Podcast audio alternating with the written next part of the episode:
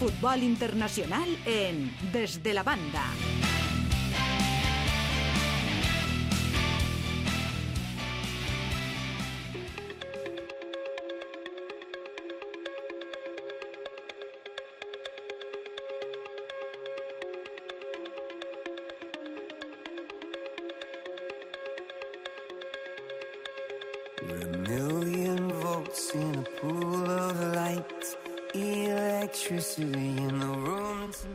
Parlem de futbol internacional, hem de parlar moltes coses de l'Eurocopa. Carlos Pinola, què tal? Què tal, Jordi? Content, no? Sí, pero... Pero, has, pero patires, ¿eh? Patires molt. No, pero, pero eso te fortalece, ¿eh? Porque Italia no había patido hasta, hasta el partido de ayer y esas victorias, como ha venido, como ha llegado, a base de sufrimiento, pues yo creo que va a reforzar todavía más este grupo. I els partits, veremos... Carlos, s'han de guanyar, s'han de patir, però guanyar-los. Si perds i estàs eliminat, igual dona que patisques que no. Si guanyes com dius tu, així és reforçat. Sí, sí, y además hay que agradecer que estaba el VAR, porque el gol de Arnautovic en la Eurocopa del 2016 hubiera sido legal. Pero un pasete. O sea, Imagínate cómo nos sentíamos en Italia con ese gol de Arnautovic, ya estaban, estábamos perdiendo la esperanza porque además Austria estaba dominando esa segunda parte. Sorpresa ara eh... mateix, eh? acaba de marcar la República Checa en el 68 de partit, Països Baixos 0, República Checa 1, Carlos. Acaba de marcar Holz. Sí, no, pero se ha visto no. que desde la expulsión de Delict ha cambiado toda la dinámica del partido. Holanda, Países Bajos, arrinconada ha pasado con una defensa de cuatro, pero ahora República Checa ha ganado mucha confianza y puede ser una sorpresa porque creo que la primera parte ha sido una de las peores de, este, de esta selección de Países Bajos.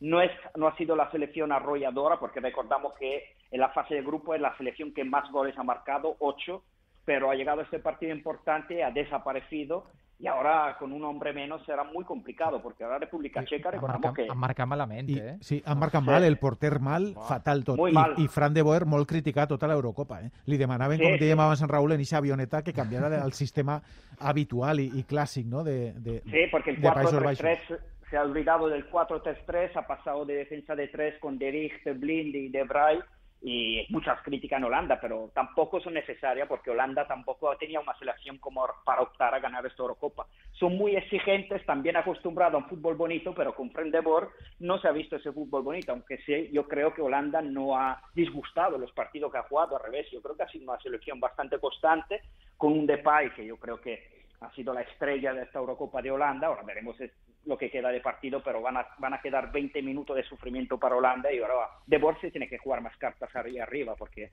República Checa creo que ha sido, está siendo una de las sorpresas, no daban un euro por esa selección, pero ahí está, ganándole ahora a 20 minutos del final a Países Bajos. Estava eh, De Boer consultant amb el Nistelrooy en la banqueta, do, dos clàssics d'eixa selecció, dos exjugadors ara eh, en el cos tècnic, Mancini i Viali, no? En, en Itàlia ahir, aquesta imatge que eh, abraçant-se després dels gols en la, en la pròrroga que recordaven als eh, jugadors de, de la SAM campiona.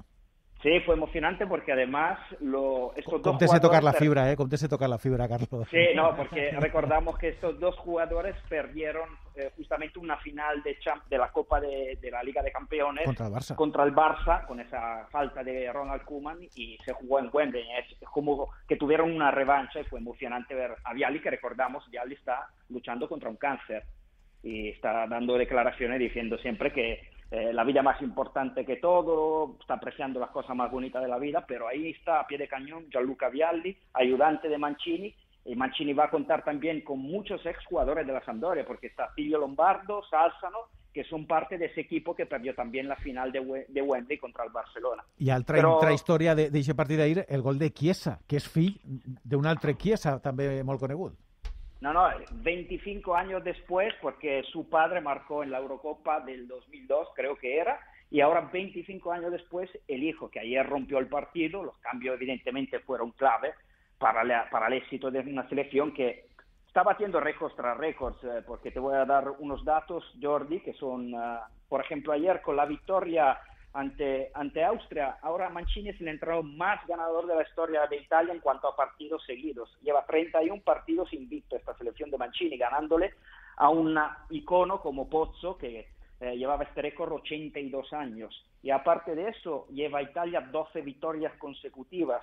y sobre todo el récord de no encajar goles. Ha ganado ni más ni menos a Dino que llevaba 1.143 minutos sin recibir goles, y ayer Italia, con ese gol de Austria, llegó hasta los 1.169.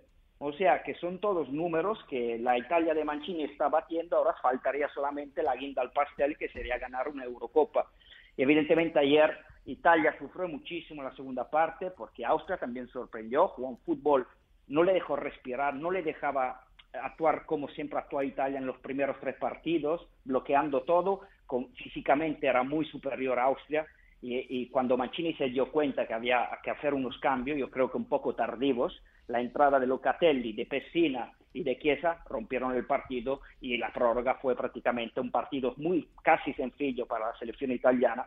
Y ahora se está hablando que mm, Locatelli, por ejemplo, no se puede quedar fuera de la titularidad como, como lo hizo ayer porque da otro tipo de estilo de juego a Italia, es un jugador más vertical que llega más a portería, en cambio Verratti busca más los pases horizontales, se vio ayer la diferencia, yo creo que hay que aprovechar la, forma, el buen estado de forma de Locatelli. Y ahora la, otra incógnita será, Chiesa eh, tendrá que jugar titular o no, dependiendo del rival, pero yo creo que Chiesa lo vimos contra Gales y lo vimos como ayer en el partido que cuando entró cambió el partido porque tiene una rapidez, eh, a veces tiene que levantar más la cabeza, pero es un jugador devastador cuando está en forma físicamente.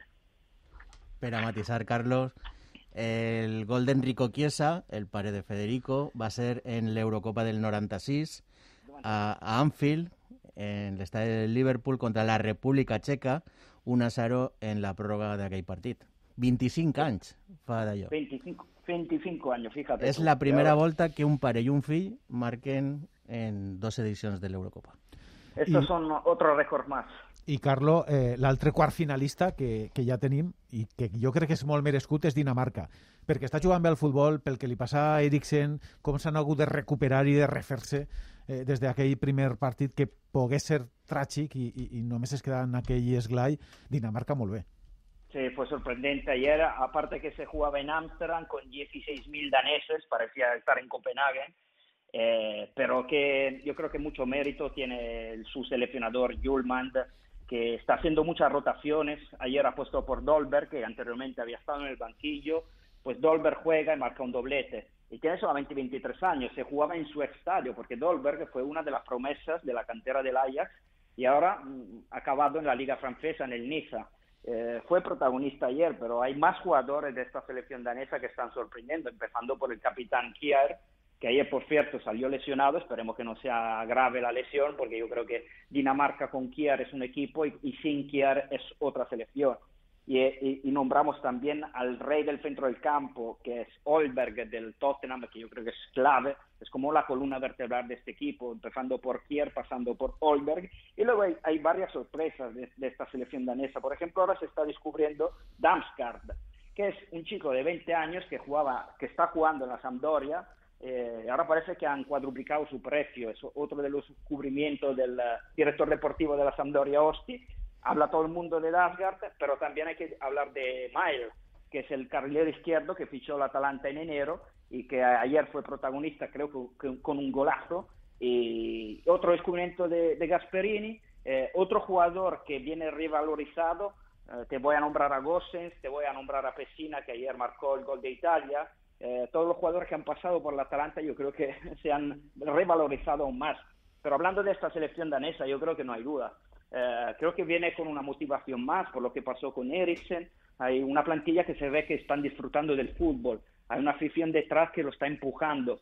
Eh, cada victoria la dedican a Eriksen. Y ayer, por cierto, faltó también Eriksen, lo dijo Julman, era su estadio donde dio los primeros pasos cuando jugaba en el Ajax. Se echó de menos, eh, pero fue también otro homenaje ayer con Bale, que trajo la camiseta de Eriksen antes del partido. Es una selección que la veo llegar a semifinal porque está disfrutando del fútbol y tiene motivaciones extra como para, para hacer algo grande, ¿eh? porque no, es descabellado pensar que pueda hipotéticamente llegar a una final, porque recordamos que está en el cuadro, digamos, más sencillo, quitando Alemania y que son las más grandes, Alemania e Inglaterra, que una tendrá que salir de esta Eurocopa, pues yo creo que en la parte baja del cuadro Dinamarca puede dar muchas sorpresas. És la Dinamarca del valencianista Daniel Vaz, que per cert ahir va perdre la titularitat que es creuaria en els quarts de final amb el guanyador del Països Baixos, República Txeca, que recordem guanyen els txecs eh, per 0 a 1 ja en el minut 76 de partit. Parlem també de la prèvia d'Ixe Espanya-Croàcia de, Sí. De demà, Carlo, jo crec que una miqueta més de confiança no? en aquesta selecció que comença tan malament en els dos primers partits, després golejar Eslovàquia, que possiblement és el que tocava, però a tu te mereix més confiança o, o encara no el suficient? No, yo creo que sí, yo creo que mm, esa manita Eslovaquia da mucha confianza, pero sobre todo son, ha sido decisiones de Luis Enrique, por ejemplo, la vuelta de Busquets, que yo creo que el equipo gira alrededor del, del capitán de la selección, él da un criterio a la, a la pelota, eh, le da orden al centro del campo, creo que el equipo se siente más eh, con confianza cuando está Busquets, lo demostró porque pasaron ca- prácticamente todos los balones por sus pies. Y luego aparte, creo que una decisión de Luis de poner a un lateral derecho en su sitio, no a, Pasco- a Marcos Llorente, más bien a Spilicueta, que ha hecho una gran temporada en el Chelsea. Por fin Luis Enrique se ha dado cuenta que yo creo que tiene que ser el titular en ese lateral derecho. España ha ganado confianza, sobre todo cuando marcas cinco goles en una Eurocopa, vas a enfrentar el siguiente partido con más ganas. Eh, los problemas siempre son arriba, porque ahora siempre se está criticando a Morata, que falló otro penalti, eh, pero yo creo que ahora la entrada en el equipo de Busquets y de un lateral, lateral derecho como Spilicueta, pues son ingredientes más para pensar que esta selección se enfrenta a Croacia con más confianza eh, y tiene obviamente calidad superior a la plantilla croata, que por cierto estará sin uno de sus mejores jugadores, que es Perisic, que será, será baja por COVID, y va a perder mucho ahí Croacia, porque Perisic, eh, creo, en el último partido contra Escocia ha sido el mejor junto con Modric. Eh, yo, yo estaría con más confianza ahora a- respecto a la selección española. Eh, recordamos que si España ganara ese partido contra Croacia, posiblemente se enfrentaría a Francia, y sería ya un partido que sería posiblemente una final. Croacia, yo creo que ah, el seleccionador Dalic eh, ha hecho unos cambios importantes en el último partido contra Escocia porque Modric, que lo vemos acostumbrado a jugar un poquito en una posición más baja, llegando a empezar las jugadas, eh, Dalic ap- apostó por Modric de media punta y se vieron los resultados detrás del delantero Pektovic. Ahora optado por un sistema de 4-2-3-1 y ahí Modric eh, creo que es devastadora, aparte de haber marcado un golazo contra Escocia, creo que le ha encontrado una posición. Croacia yo creo que es más débil atrás, porque quitando yo creo al, al joven que jugó el, el europeo sub-21 Guardiol, que me parece un jugador con mucho, con mucho futuro, ahí ocupando la banda izquierda, pero la pareja de central, Lovren, Vida, no siempre dan seguridad, sobre todo porque la, la edad pasa factura. Y yo creo que ahora Croacia eh, sin Perisic es, es otra, otra selección y España es bastante favorita. ¿Eh? Acaba de marcar el segon la República Txeca, Carlo, contra Països Sí. Baixos 0 a 2 en el 79. Fran de que no fer ja està per a finiquitat fer el reaccionar l'equip orange i, i sembla que República Txeca-Dinamarca serà això els quarts de final. Ui, ui, ui, Sí, quina careta sí, sí. meua. Sí, sí, ha marcado, ha marcado el jugador que más te está sorprendiendo, uno de los jugadores que más te está sorprendiendo en esta Eurocopa, El- Patrick Schick. El, de, el del golàs, no?, de, des del mig Sí. del camp. Que sé, yo creo que es, no sé si estáis de acuerdo, pero me parece que todavía es el golazo de la Eurocopa. Sí, sí. Jo ho vaig dir en aquell moment, vaig tuitejar, dic, este serà el golàs, difícil serà que, que facin un millor, i, i així és de moment. Pues ahí ya, ya cuatro goles, sí, que detrás justo de Cristiano Ronaldo, que es el pichichi de esta Eurocopa. Eh, Cristiano que jugarà a les 9 de la nit en eixe Bèlgica-Portugal. Eh, Carlo, també un gran Sí. partit per avui. Sí, es un partidazo, creo que otra final adelantada, pues Ronaldo viene, llega siempre con números impresionantes. Fíjate, Jordi, que alcanzó con el doblete de penalti eh, de la semana pasada 109 goles en 178 partidos. Es un auténtico récord de las selecciones. O sea, el jugador que más ha marcado goles en, en la historia del fútbol en una selección y ha alcanzado al mítico iraniano Alidae, que llevaba 109 goles.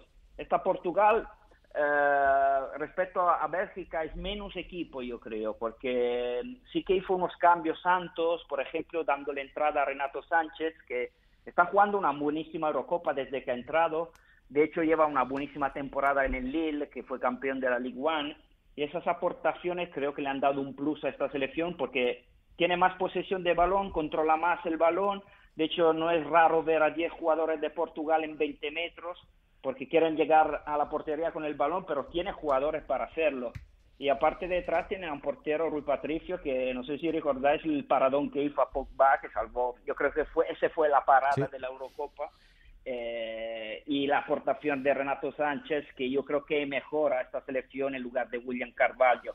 Es la primera vez que se enfrentan Bélgica y Portugal ¿eh? en una fase final. Eso es curioso porque son dos selecciones muy importantes y, y, Bélgica viene con números también importantes porque ha ganado todos los tres partidos y sobre todo tiene a, Lukaku que es una máquina de fabricar goles. Bélgica que, que, lleva... Bélgica que sempre, sempre eh, fins a aquestes alçades del campionat es favorita. Después le elimina. Sí, pero no, no, no, puede ahora esquivar este favoritismo porque yo creo que tiene de, los últimos años, con la aportación de Tielemans, que, que, no jugó el último partido, pero teniendo al mejor De Bruyne de su carrera deportiva, porque este año De Bruyne eh, si no gana el balón de oro él, no sé a quién dárselo, porque lo merece. De hecho, cuando ya entró en la selección por su lesión que tuvo en la Champions, cambió prácticamente todo el juego de Portugal, pasa por sus pies y sobre todo tiene una gran asociación con su amigo Lukaku.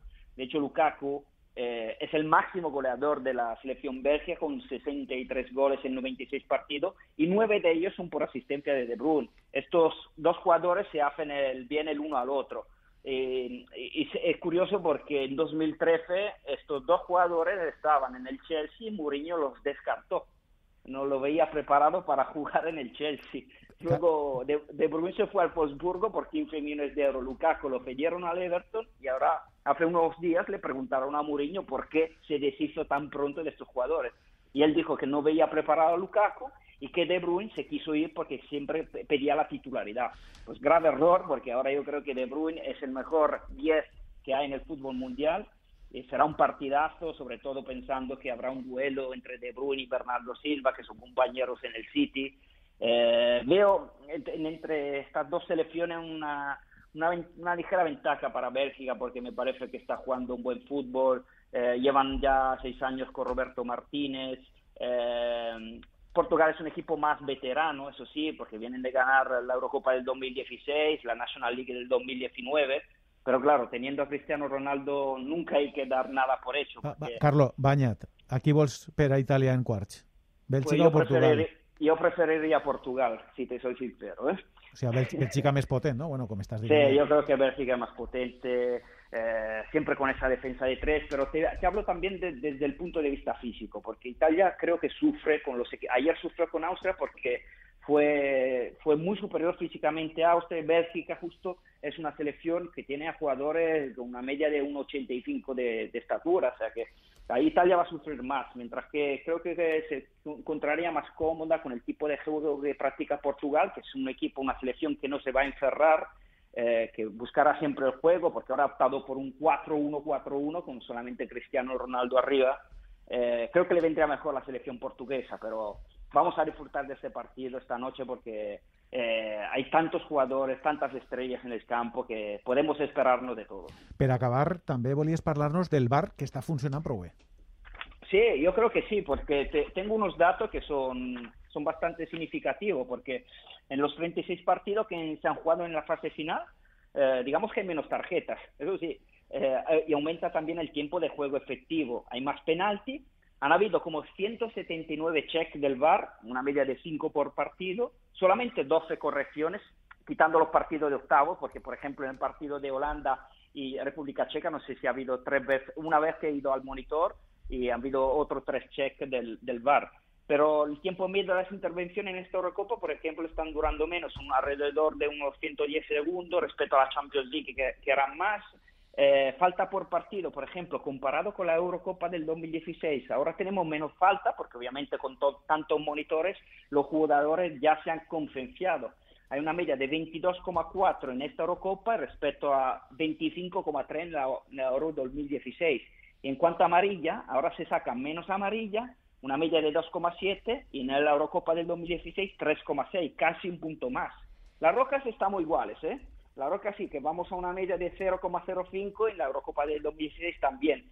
pero es también significativo porque ahora, bueno, la duración media de los partidos obviamente ha aumentado, porque con siempre con los checks del VAR ha aumentado de a 58 minutos contra respecto a los 2016 que eran 56,3 y obviamente hay más penalti. En esta Eurocopa sí que han habido mucho más penalti que en la, en anterior, una media de 0,38 y en la 2016 era una media de 0,19. Sobre todo se ven menos protestas. ¿Y por qué? Porque ahora una de las reglas de esta, de esta Eurocopa que cuando hay una protesta por una decisión del VAR directamente le tiene que sacar una amarilla. Lo vimos ayer, por ejemplo, con el partido de Italia cuando fue amonestado Varela por protestar de una decisión del VAR. Creo que este VAR, el utilizo este VAR, aparte que hay más gente detrás, porque gente que se dedica a ver todo el partido, hay gente que está revisando cada jugada, creo que hay cinco personas en los monitores solamente para, para eso. Creo que se está viendo mucho más fluido los partidos, decisiones correctas, ha habido un acierto de un 91,6%, casi un 100%, que no está mal. Yo creo que ha beneficiado el juego del fútbol y por eso que estamos viendo una Eurocopa muy atractiva, donde se está viendo muy buen fútbol. Carlos Pina, muchas gracias. Sort per al que queda en el campeonato para España y va para Italia también. Por supuesto. Muchas gracias, Jordi. Gracias, Carlos. Buena vesprada.